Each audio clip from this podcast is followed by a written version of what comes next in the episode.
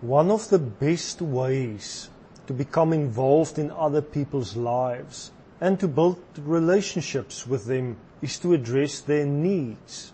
We learn this from Jesus. To do what he did is to not walk past those in need. Jesus transformed people's lives holistically through addressing their needs. He was in crowds of people where they were sick, healthy, poor, rich, young, and old people, and he moved amongst them and spoke to them and cared about them. He eventually died for them. But before he committed the ultimate deed of love, he did daily deeds of compassion to meet the physical and spiritual needs of the people around him. He fed crowds of people and encouraged the woman at the well and opened the eyes of the blind and saved the woman from being stoned and did many other compassionate deeds. In all these situations and many others, we learned who Jesus is. He cared about people and especially those who were forgotten and rejected by others. In most of the situations where there were physical needs, Jesus showed compassion through reaching out, touching people, and healing them and speaking forgiveness over their lives. The kingdom of God has to manifest in every area of our lives.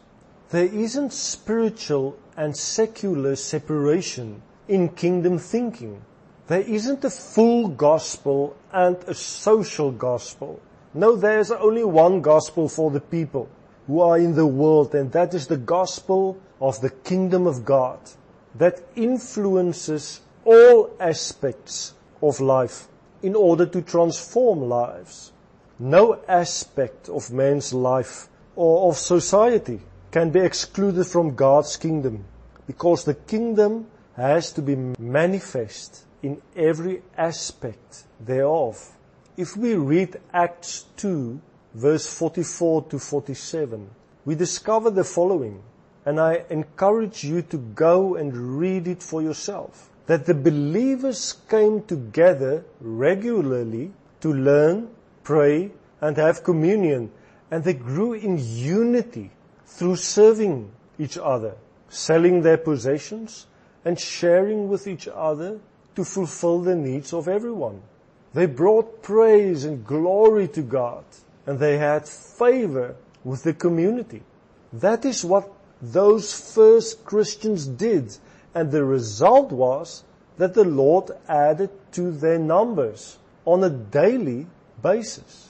A key to obtaining favor with people around you is a lifestyle of sharing with others and serving people.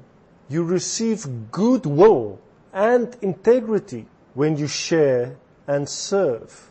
In other words, the more we share and serve and in so doing address people's needs, the more the Lord will add those whose lives have been touched to His kingdom. The result of transformation will be both spiritual and physical in people's lives who have been touched by Jesus in this way. In 1 Peter 4 verse 10 we read, each one should use whatever gift he has received to serve others, faithfully administering God's grace in its various forms.